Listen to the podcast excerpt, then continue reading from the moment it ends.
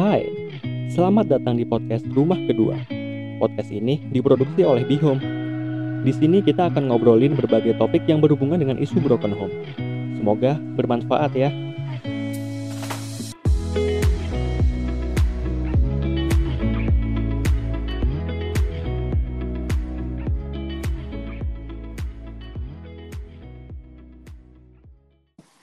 Halo pejuang Bihome, kembali lagi di podcast rumah kedua, podcastnya Bihome. Kali ini kita sampai di episode kelima.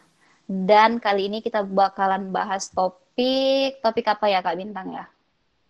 Topik episode kelima kali ini, apakah perceraian baik untuk anak? Hmm, pasti anak-anak itu, eh apa? Anak-anak, pasti anak-anak itu langsung bersuara. Gak baik dong, perceraian itu jelas-jelas melukai hati seorang anak tapi Benar. di sini kita bakalan bahas dari sudut pandang kita berdua. Dan sudut pandang teman-teman Bihom juga sih karena tadi kita sempat uh, posting di Bihom, kita nanya uh, pendapat teman-teman. Oke, okay, kalau menurut lo Bintang, perceraian hmm. itu apa? Ya perceraian kalau mungkin secara status ya di mana orang tua ayah dan ibu nggak lagi terikat secara pernikahan sih. Jadi udah nggak suami istri secara sah lagi. Itu kalau secara satu sih cuma perceraian. Ya mungkin kalau buat sudut pandang anak tuh lebih ke apa ya mungkin kalau dari sudut pandang anak lebih ke kasih sayang yang utuh yang mereka dapetin dari orang tuanya sih. Soalnya setelah mereka bercerai itu kecenderungannya kayak mereka cuma dapat dari salah satu pihak aja nggak nggak utuh lagi Oke, penjelasannya Kak Bintang cukup padat dan sangat jelas ya. Oh, Kemudian padat kayak apa tuh? Mm, Zat padat. Mm -mm. Ya, ya iya. Perceraian itu uh, sepasang suami istri yang mengambil keputusan untuk berpisah. Jadi mereka bukan sepasang suami istri lagi, kayak gitu. Terus apa nih Kak Bintang? Lanjutin dong. Pasti bingung ya nih tarik ke mananya.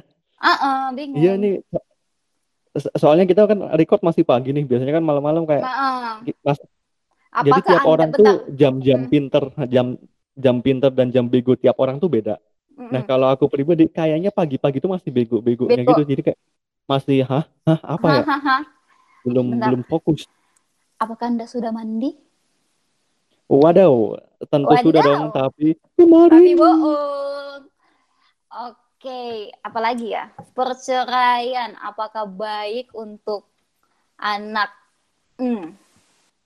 Mungkin kita ngeli berkaca dari lingkungan sekitar kita aja sih kak. Mm. Kan kayaknya banyak nggak sih kalau semua orang ya mungkin kita ketemu siapa gitu pasti mereka selalu punya kenalan yang orang tuanya cerai nggak sih? Iya, uh, pasti sih. Kayak pasti itu kayak deh. satu hal yang lumrah dan udah biasa terjadi di lingkungan kita gitu. Tapi mereka anak-anak yang orang tuanya bercerai uh, kebanyakan nggak speak up sih. Iya. Uh -uh. Uh, dan dan si lingkungan teman-temannya juga mungkin mau nanyain lebih lanjut juga agak bingung kan Risi, kayak nggak enak, takut menyinggung, takut yeah. uh, nambah melukai, melukai perasaannya. Kayak gitu. Eh tadi gue sampai mana ya? Tadi kita sampai mana ya? Obrolannya ya di lingkungan baru definisinya sih. Uh, di lingkungan pasti di lingkungan kita banyak teman eh, teman-teman kita yang orang tuanya bercerai. Hmm. Nah kalau kalau lu sendiri memandang teman uh, di lingkunganmu yang orang tuanya bercerai itu gimana? Apakah mereka baik-baik aja atau mereka tambah rusak ke sana ke hal-hal negatif? Kalau dari ini dari lingkungan sekitarku aja ya. Mm -mm mungkin kalau dibilang ke lingkungan yang rusak atau gimana gimana sih itu mungkin balik lagi ke personalnya masing-masing ya. Nggak ter hmm. nggak mesti anak yang orang tuanya cerai atau gimana. Cuma kalau dari lingkungan terdekatku sih untuk yang orang tuanya cerai itu cenderung apa ya? Mereka kayak ada kebingungan tersendiri aja gitu.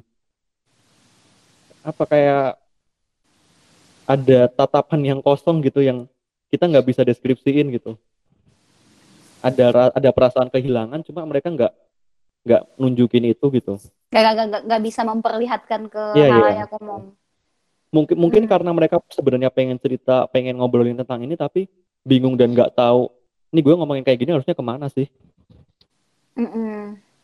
oke okay. nah kalau gue sendiri di lingkunganku uh, banyak anak banyak anak yang orang tuanya bercerai dan seperti stigma broken home ya stigma broken hmm. home uh, yeah. anak pada dasarnya ketika orang tuanya bercerai uh, pada akhirnya nggak akan baik-baik saja dan itu beneran ada beneran nyata yeah, tapi yeah. nggak uh, sedikit juga ada kok yang bisa uh, pada akhirnya bisa mengelola luka yang dia miliki menjadi apa ya menjadi semangat tersendiri untuk dia menjalani kehidupannya jadi uh, gue setuju sama yang lu bilang tadi kayak kembali ke personalnya lagi yeah. gimana mereka mengelola luka tersebut uh, sehingga mereka bisa memutuskan apakah mereka akan baik-baik aja dengan perceraian tersebut atau justru uh, nggak baik-baik aja. Nah, cuma dari si anaknya sendiri nih kayak kemampuan mereka untuk mengelola perasaan mereka, gimana cara mereka bersikap tuh kayaknya ya mm. erat banget sama hubungannya gimana si orang tua itu mendidik mereka saat masih kecil dan menjelaskan ke mereka tentang perceraian itu apa. Nah, masalahnya masalahnya mm. banyak orang tua yang nggak bisa apa ya, nggak bisa mengkomunikasikan perceraian itu apa, mm. kenapa mereka bercerai dan akibatnya untuk si anak ini apa. Jadi si anak tuh kebanyakan bingung gitu harus bersikap seperti apa. Yes. Nah, ngomong-ngomong tentang topik ini, uh, menurut gue penting banget ya, penting banget bagi orang tua yang bercerai untuk menyampaikan kepada anak, yes. uh, menyampaikan kepada anak kenapa pada akhirnya keluarga mereka, eh, mereka, uh, mereka sebagai orang tua harus berpisah. Jangan sampai anak itu kebingungan, kebingungan, dan sa jangan sampai juga uh, seorang anak itu bakal punya perasaan bersalah. Tapi mungkin yang perlu di highlight di sini adalah cara menyampaikannya itu cara hmm. menyampaikan apalagi anak ketika masih umur 2-3 tahun nggak mungkin dong dibilang nak uh, mama sama papa cerai ya nggak mungkin kayak gitu juga ngerti apa sih anak umur 2-3 tahun jadi mungkin bisa dikonsultasikan sama profesional sih gimana sih cara menyampaikan uh, kepada anak tentang situasi yang sebenarnya terjadi Cuma ini ini menarik sih kalau menurutku. Hmm. Kan mungkin kalau kebanyakan dari kita mikirnya ya sebaiknya kita perlu cari referensi ke orang yang kompeten, ke profesional, ke psikolog, mm -hmm. ke psikiater. Tapi kayaknya pada ini sebenarnya aku nggak tahu datanya sih, cuma kayaknya kecenderungannya orang-orang yang bercerai itu statusnya apa ya? Uh, belum sejahtera secara perekonomian. Dan iya, biasanya iya. efek lebih lanjutnya tuh kayak mereka nggak begitu melek sama pendidikan, ya mereka mandang pendidikan cuma intinya yang penting bisa ngitung, bisa baca, bisa ngomong, mm. bisa untuk daftar kerja gitu. Mm. Mereka mereka gimana caranya pengen datang ke psikolog? Iya ya. Mereka mereka itu, nggak ngerasa ada yang salah dengan diri mereka gitu. Mm, itu uh, kebutuhan akan kesehatan mental itu masih diposisikan di kebutuhan sekunder, bukan kebutuhan iya. primer. Yeah. Makanya mungkin sekarang, malah tersier, bro. Oh, iya iya benar-benar. iya iya tersier uh, apa ya? Karena ya makanya sekarang kesehatan mental kan lagi di yeah. up up banget kan beberapa tahun belakangan ini dan semoga uh, banyak orang yang semakin sadar Amin. kalau Bener. kesehatan mental itu sangat penting. Ya. Hmm, uh, apa ya? Apa ya? Nah, balik Se sebenarnya bisa aku tarik bisa aku tarik ke kesehatan mental lebih dalam cuma tadi jadi out of topic. Uh, uh, Tapi uh. kalau kalau mau balikin lagi ke topik perceraian tadi, nih aku bikin asumsi aja sih. Kira-kira ya, kan si orang tua juga sebenarnya dari awal nggak punya keinginan untuk bercerai nih. Iya iya, iyalah. Mana normalnya gitu benar. dong. Hmm. Mana, Mana ada, mereka mereka tujuannya dengan tujuan nah. bercerai.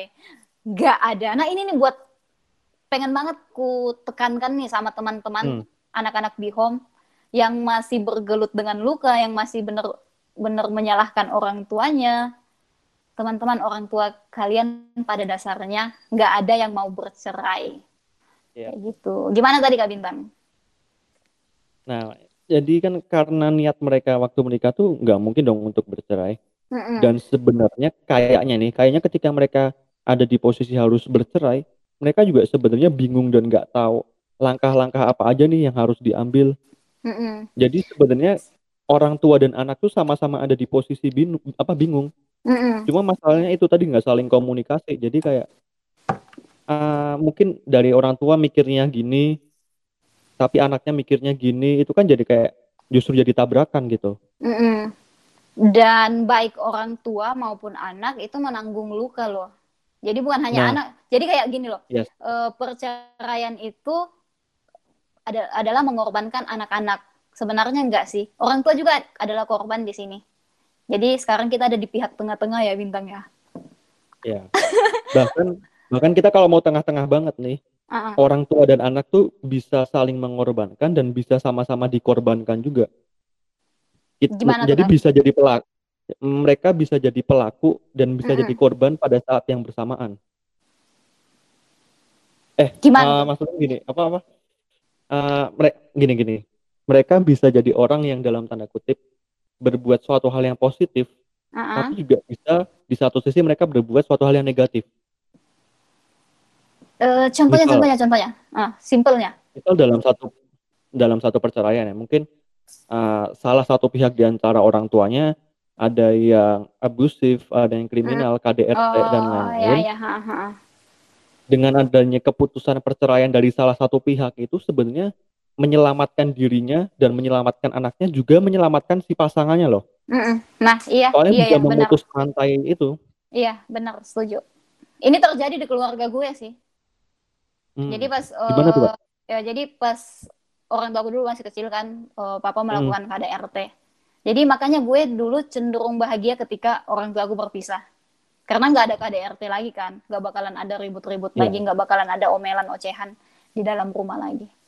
Bener-bener. Jadi bisa dibilang perceraian itu baik ya. Baik di posisi di, hmm. di, di situasi tertentu.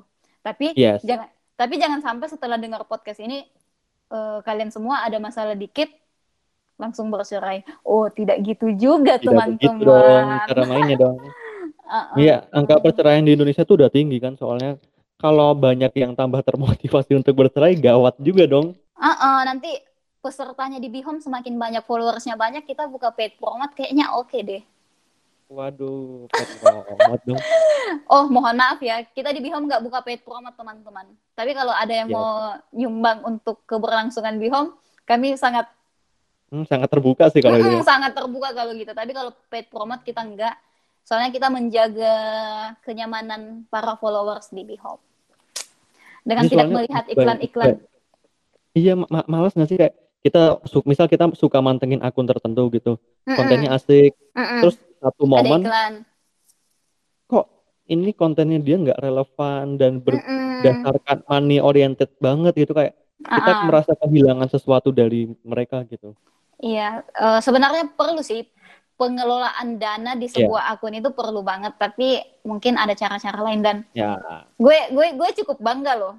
8 tahun Wih. berjalan di home gak ada iklan. Kasih kasih tepuk tangan dulu nih. tapi nggak tahu ya ke depannya ya. Eh nggak yeah. tahu lah. Eh btw kita kayaknya udah out the topic banget. Oh iya, kita sampai ngomongin film promote. Oke, kita uh -uh. balikin lagi nih kita balikin lagi coba. Oke, BTW tadi kamu kau udah sempat nanya ke teman-teman juga nih pendapat iya. mereka.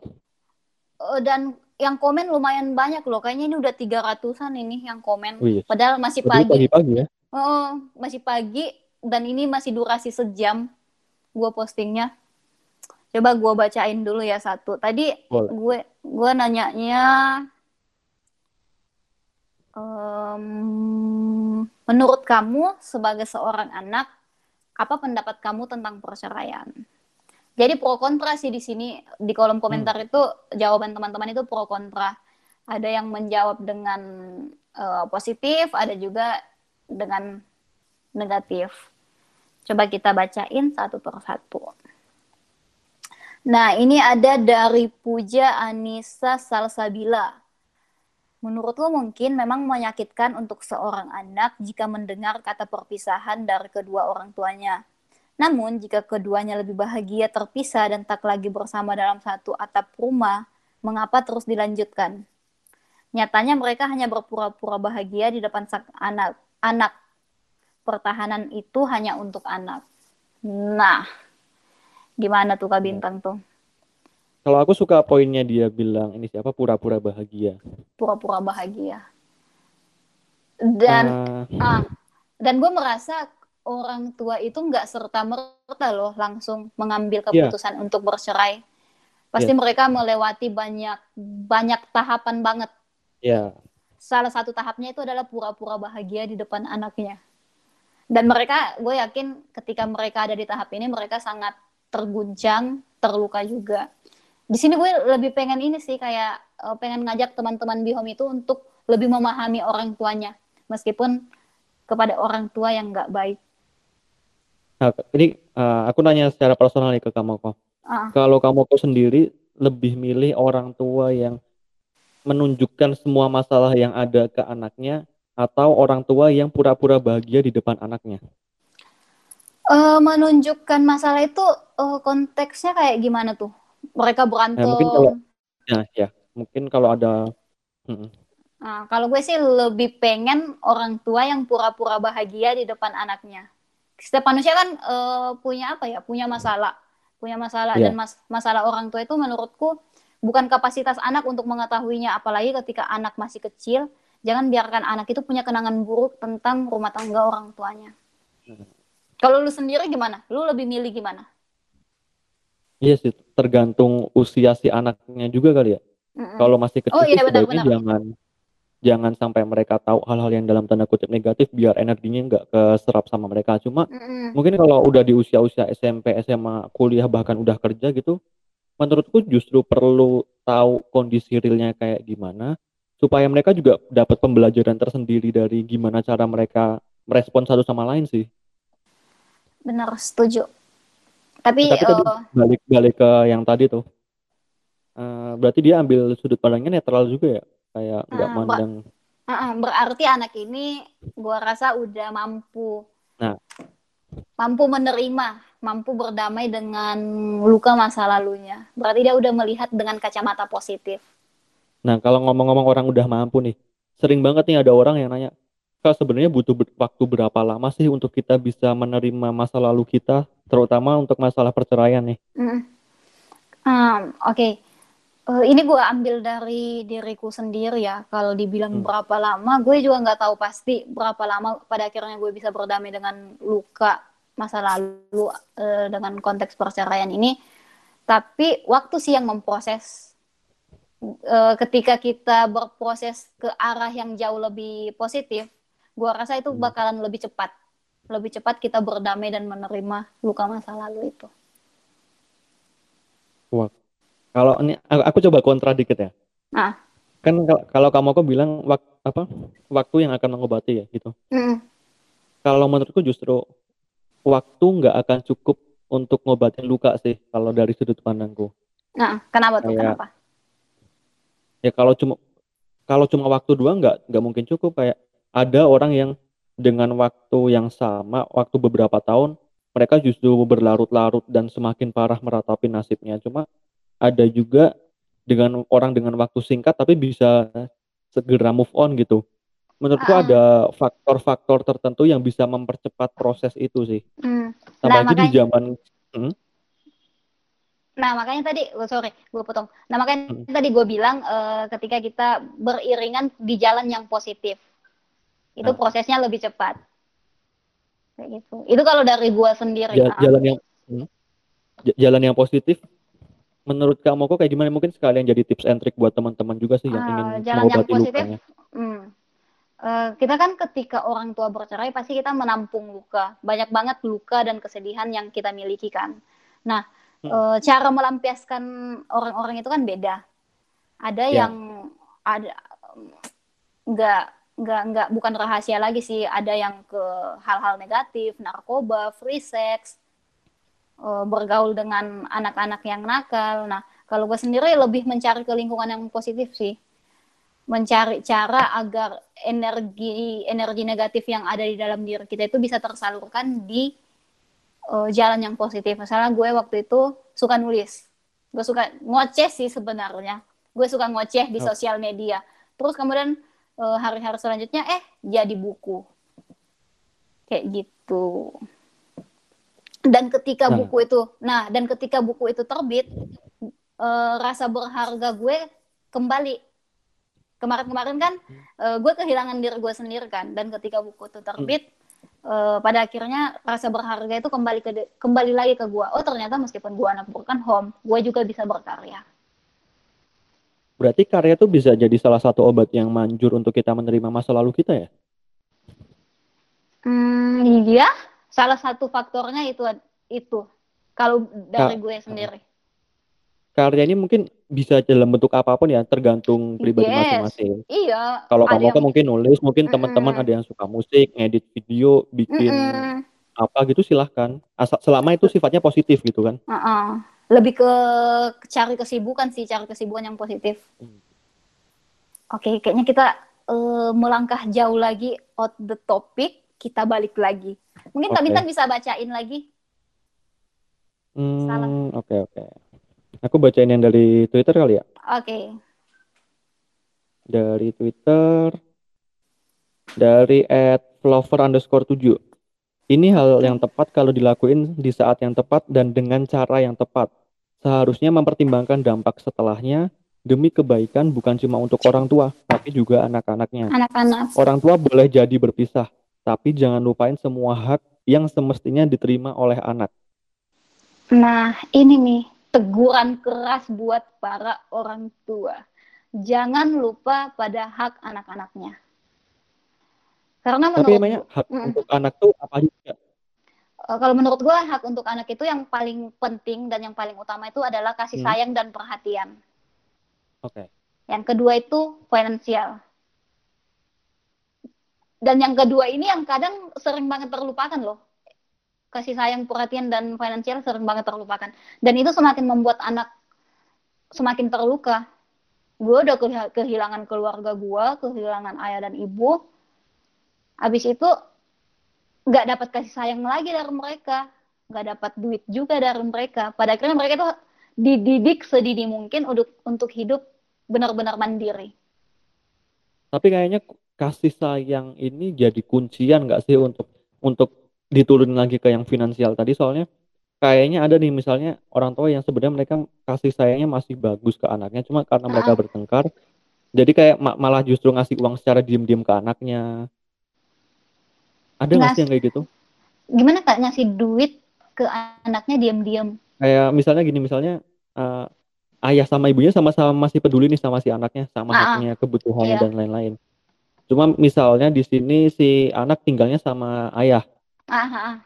Nah si ibu ini dia tetap kasih uang ke anaknya tapi diem-diem jangan sampai diem, si ayahnya tahu. Iya banyak sih yang kayak gitu. Ini nih banyak. Sama ini lagi Bin. Uh, hmm. Orang tua yang saling melempar tanggung jawab. Nggak tahu sih kayak misalnya, oh. uh, ma gue mau bayar uh, uang kuliah nih semester ini. Sana hmm, minta nih, ke nih, bapakmu. Habis itu bapaknya loh. Lu kan tinggal sama mama, kenapa nggak minta sama mama? Nih nih anehnya kalau untuk tanggung jawab mereka saling ngelempar tapi untuk hak asuh saling berebutan. Ah, setuju. Ini nggak nggak berbanding Aduh. lurus gitu. Uh -uh. Aduh, ada nggak sih akun yang mengedukasi orang tua bercerai? Oh ada ada ada ada ada. Banyak banyak banyak. Salah satunya Single Moms Indonesia. Hmm, yeah. Jadi Single Moms Indonesia itu adalah sebuah komunitas untuk ibu-ibu tunggal Tadi gue sempat nanya sih sebelum kita record kan, gue telepon mm -hmm. si Kak Mauren. Kak Mauren ini adalah foundernya Single Moms Indonesia. Gue tanya ke dia, e, kan saat ini banyak tuh anak-anak yang menyalahkan uh, orang tuanya atas perceraian yang mereka jalani. Kemudian gue tanya ke Kak Mauren, Kak Mauren dulu uh, pada akhirnya apa sih yang membuat Kak Mauren itu memutuskan untuk bercerai. Mungkin ini uh, dari sudut pandang orang tua ya. Gue bacain coba. Oke. Okay. Jadi kalau kata kamu Ren, alasan kenapa aku dulu mantap untuk bercerai karena rumah tangga sudah nggak dapat dipertahankan dan di saat aku bisa menerima dan di saat aku bisa menerima resiko susahnya jadi ibu tunggal daripada tetap stay dalam hubungan yang sudah tidak sehat lagi dan malah membuat kesehatan jiwaku jadi terancam. Ini dari sudut pandang orang tua. Iya.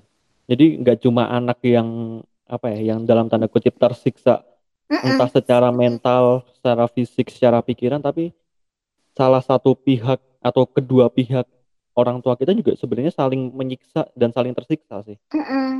Nah makanya tadi uh, gue pengen tekanin banget nih ke teman-teman di home sekali lagi.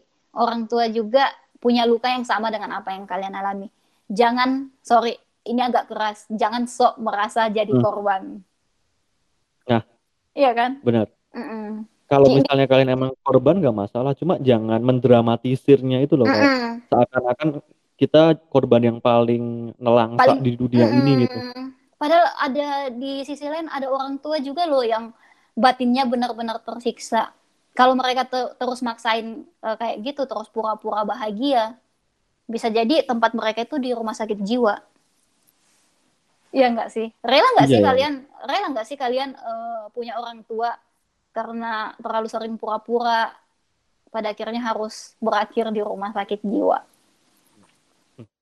Semoga uh, teman-teman yang mendengar ini setelah mendengar kita ngobrol-ngobrol tentang uh, ini bisa lebih mudah lagi untuk mulai menerima dan memaafkan orang tua. Iya, tadi kan kita sempat uh, mention kalau misalnya ada beberapa faktor yang bisa mempercepat uh, pengobatan atas luka dari masa lalunya.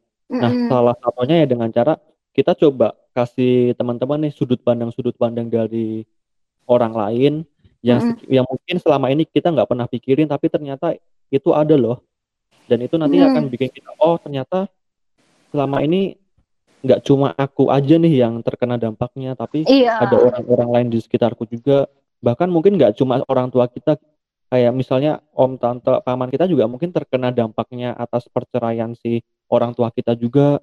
Setuju banget. Jadi gue pernah ngomong sama salah satu hmm. orang tua yang bercerai dan dia sempat hmm. mention itu juga. Uh, perceraian itu melukai banyak pihak, bukan cuma anak, bukan oh. cuma orang tua yang bercerai, tapi kedua uh, keluarga. Keluarga besar pun pasti terluka dengan adanya adanya perceraian. Semua pasti. orang nggak baik-baik aja dengan perceraian, tapi gimana caranya kita bisa mengelola itu semua supaya perceraian itu menjadi sesuatu yang lebih baik. Bintang, ini ada yang menarik nih hmm? komen dari Instagram, gue pengen banget baca. Agak sedikit kontras sih, coba ya. Ini dari Talito. Hmm. Uh, dia bilang perceraian itu egois. Ini saya ambil dari dialog saya dua hari lalu dengan papa.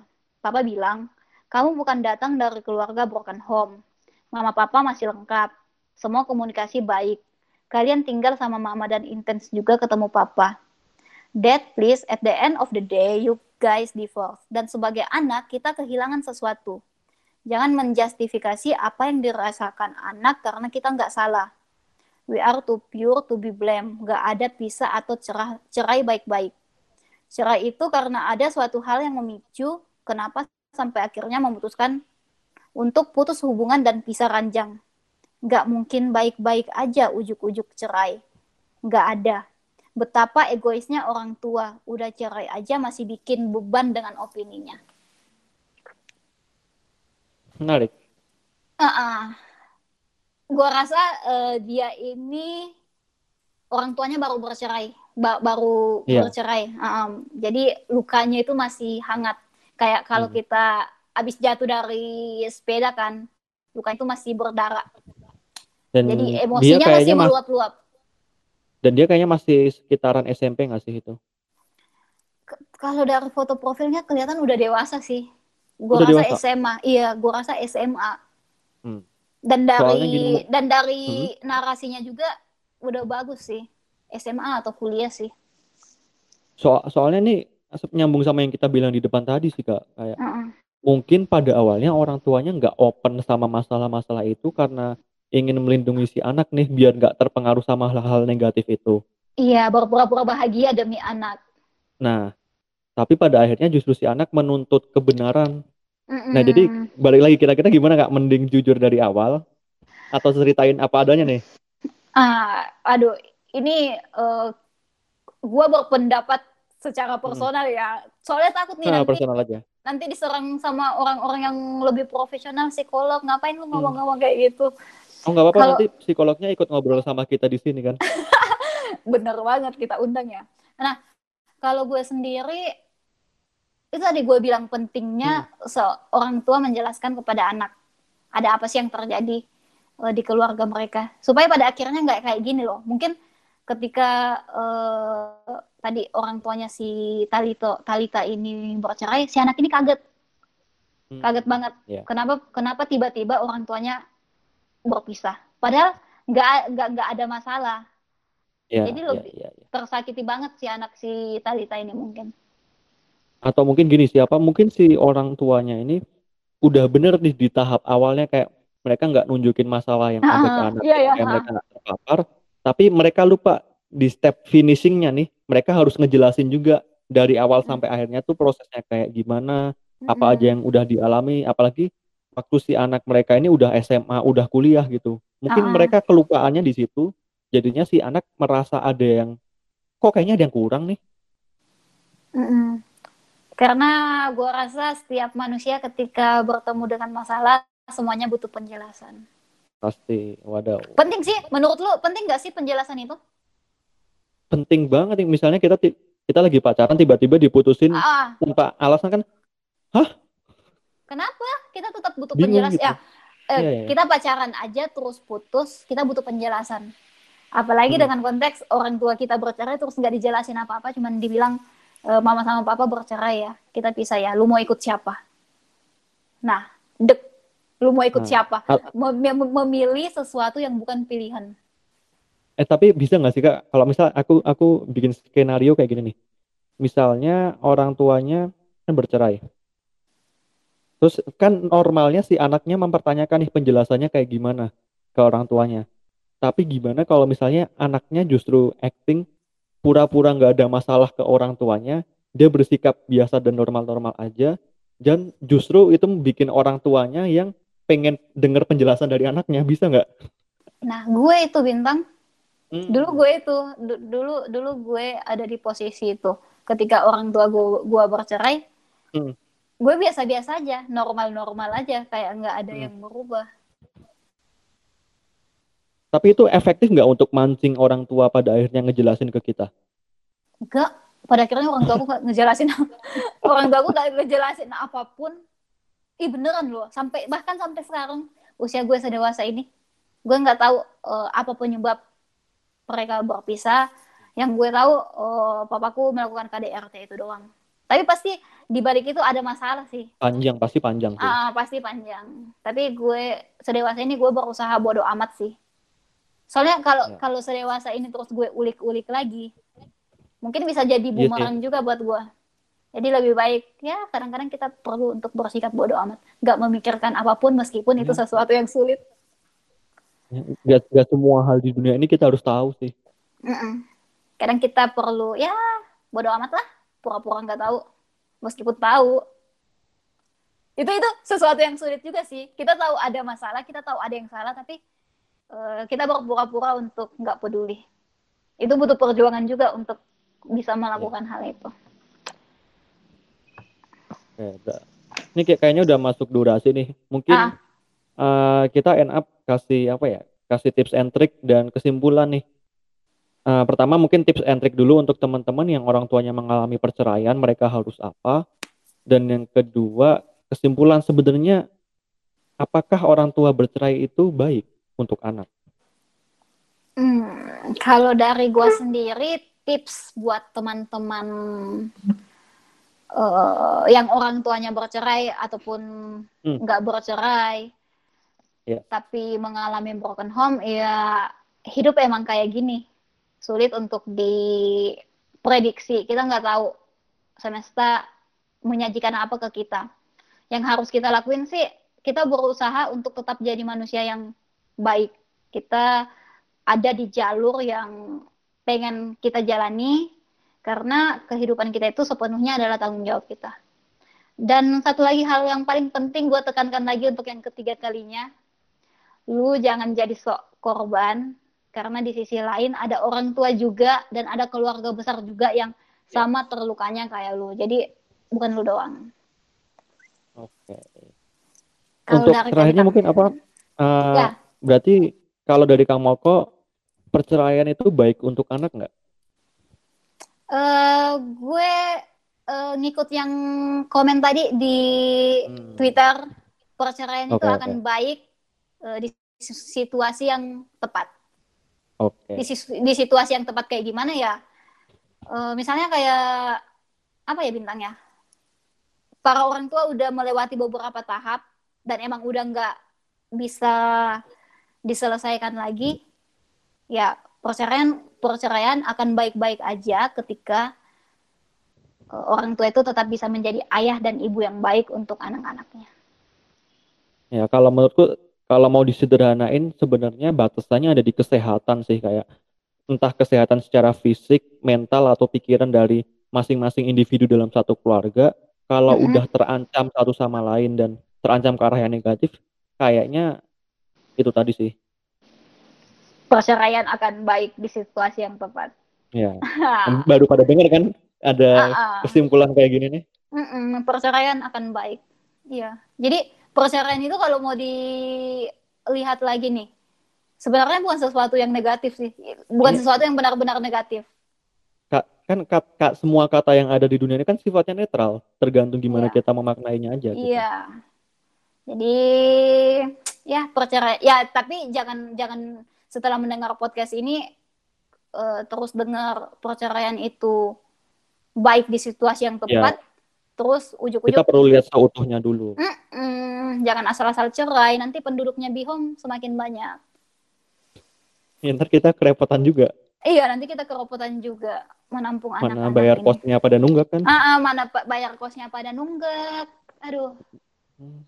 Eh, dan satu lagi nih, closing hmm. mungkin ya hmm. closing ya ini sebagai closing mungkin teman-teman yang broken home kemudian mau cerita nah. lukanya terlalu banyak nggak tahu mau hmm. sharing ke siapa ini nih sering Ah, gimana tuh Kak Bintang? Kita kita punya solusi loh, loh home. Kok, kok kok dilempar ke sini gitu? Tolong jelasin, kan gue udah buka. Oh. Uh -uh.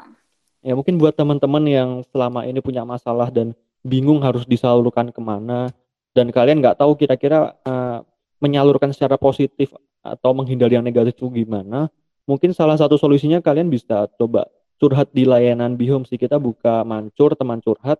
Kalian bisa curhat nih secara virtual lewat chatting atau misalnya kalian prefer lewat telepon nanti diobrolin aja. Caranya gampang hmm. banget tinggal registrasi aja, klik link di bio Instagram bihome.id.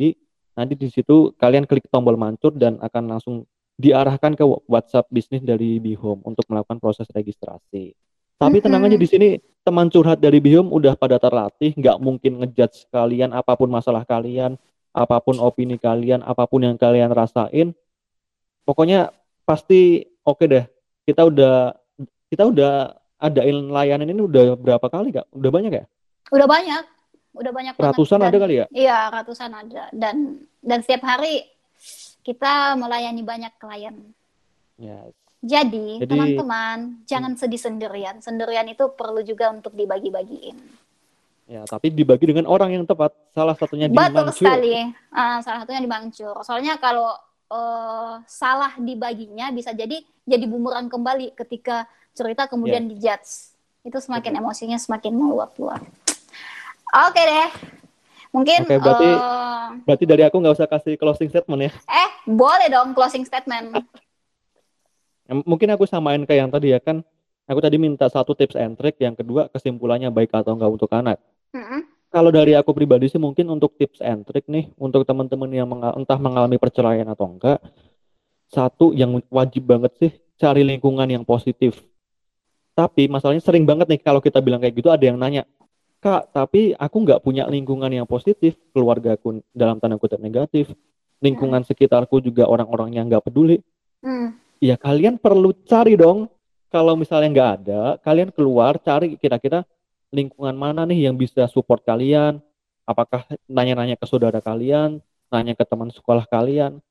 Soalnya apa ya keselamatan diri kalian itu tanggung jawab kalian pribadi Yes. Kalian nggak bisa menggantungkan ke orang lain, jadi kalian perlu aktif untuk menyelamatkan diri kalian dengan membawa diri kalian ke lingkungan yang positif. Itu wajib banget sih. Mm -mm. Jadi jangan jangan bergantung sama orang, jangan bergantung iya. kesehatan kesehatan mental kalian, hidup kalian itu di orang lain. Itu salah besar. Nah, itu kan kita masih punya kaki dua, tangan dua, mm mata dua dan lain-lain. Ya kita masih bisa cari gitu. Daripada kalian di rumah juga pasti mikir yang enggak-enggak, denger yang enggak-enggak kan nah, mending kalian nyari di luar. Iya, sederhananya cari kesibukan. Kesibukan yang positif tentunya. Nah, benar. Oke, Bintang. Nah, abis itu uh, apakah perceraian itu baik untuk anak? Apakah perceraian baik untuk anak? Mungkin ini agak on, un, apa unpopular opinion ya dari podcast kita. Mm -mm. Kita menganggap kayaknya kita sepakat deh kalau misalnya perceraian itu bisa baik untuk anak kalau dilakukan secara tepat dan secara cepat eh secara cepat dan tepat. Okay. Entah entah waktunya, entah momennya, entah prosesnya, entah sebab akibat atau alasannya gitu. Jadi intinya kita perlu melihat suatu hal itu secara utuh sebab akibat berbagai sudut pandang. Jadi kita nggak dengan mudah menjustifikasi suatu hal itu benar atau salah. Gitu kak. Oke, dan sepertinya kita udah berada di ujung episode kelima. Yes. Um, sampai jumpa di episode selanjutnya teman-teman. Dan jangan lupa podcastnya Be Home di update setiap hari Sabtu jam 7 malam. 7 malam. Bisa disaksikan di YouTube dan di dan Spotify, Spotify rumah kedua. Oke okay deh, thank you Bintang. Sampai jumpa. Oke, okay, thank you Kak. Sampai jumpa di episode selanjutnya.